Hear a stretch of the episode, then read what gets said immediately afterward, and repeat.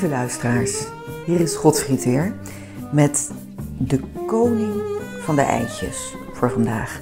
Ik doe echt iets heel simpels, te eenvoudig voor woorden, maar het blijkt in de praktijk dat een heleboel mensen er bang voor zijn en het is mij ook overkomen dat het bij een heleboel mensen gewoon niet lukt. Nou, genoeg gekletst. Wat ga ik maken? Een gepocheerd eitje. En wat heb je daarvoor nodig? Uh, nou, ik denk dat dit de kleinste ingrediëntenlijst van de historie van Godfried wordt. Verse eitjes, zoveel als je er wil maken. Ik doe er vandaag gewoon één. Water, een pannetje, een schuimspaan, zout en wat azijn. Niet meer, niet minder. Ik laat je nu horen hoe je het eitje maakt en wat je er vervolgens mee kan doen bijvoorbeeld heerlijk over wat roergebakken spinazie met wat roomboter en wat citroenzest en Hollandaise saus.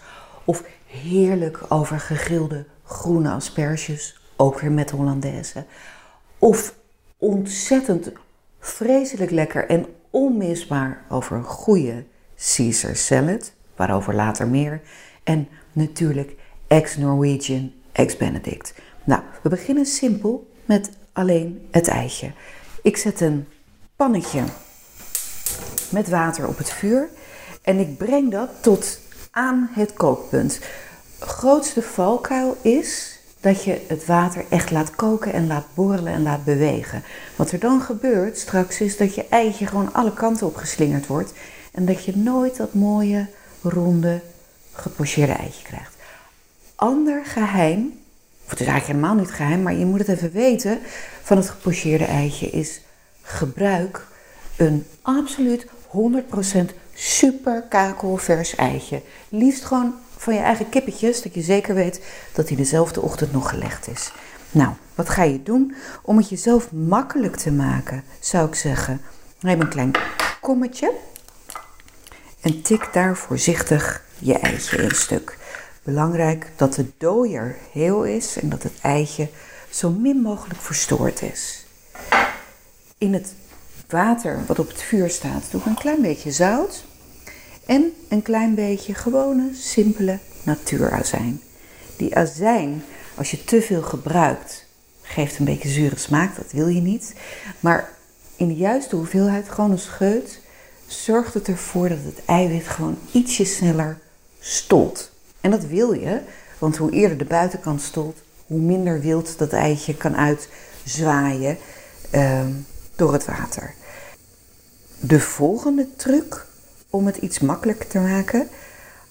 Als het water nou het kookpunt heeft bereikt en het heeft een beetje gebubbeld, zet je het zacht, zodat het net niet meer bubbelt.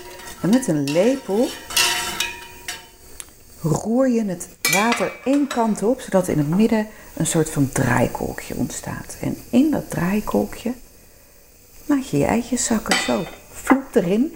En wat ik eigenlijk onmiddellijk zie, hij blijft perfect in het midden en het eiwit draait zich er keurig omheen. Nou, ik denk dat ik misschien één of twee kleine vliebertjes heb.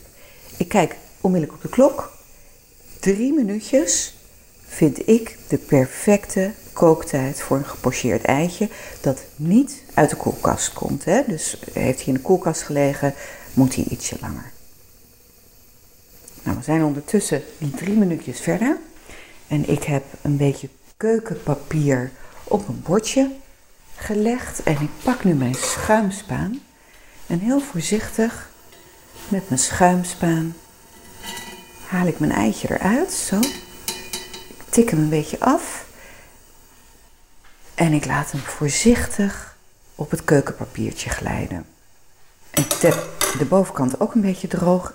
En dan probeer ik hem netjes om te flippen op het gerechtje waar ik het bij wil serveren. Of op het toastje of whatever. Hè?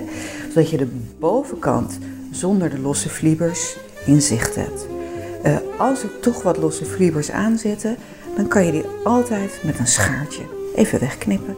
Nou, dit is de basis voor heel veel hele succesvolle recepten. Geniet ervan en tot de volgende keer.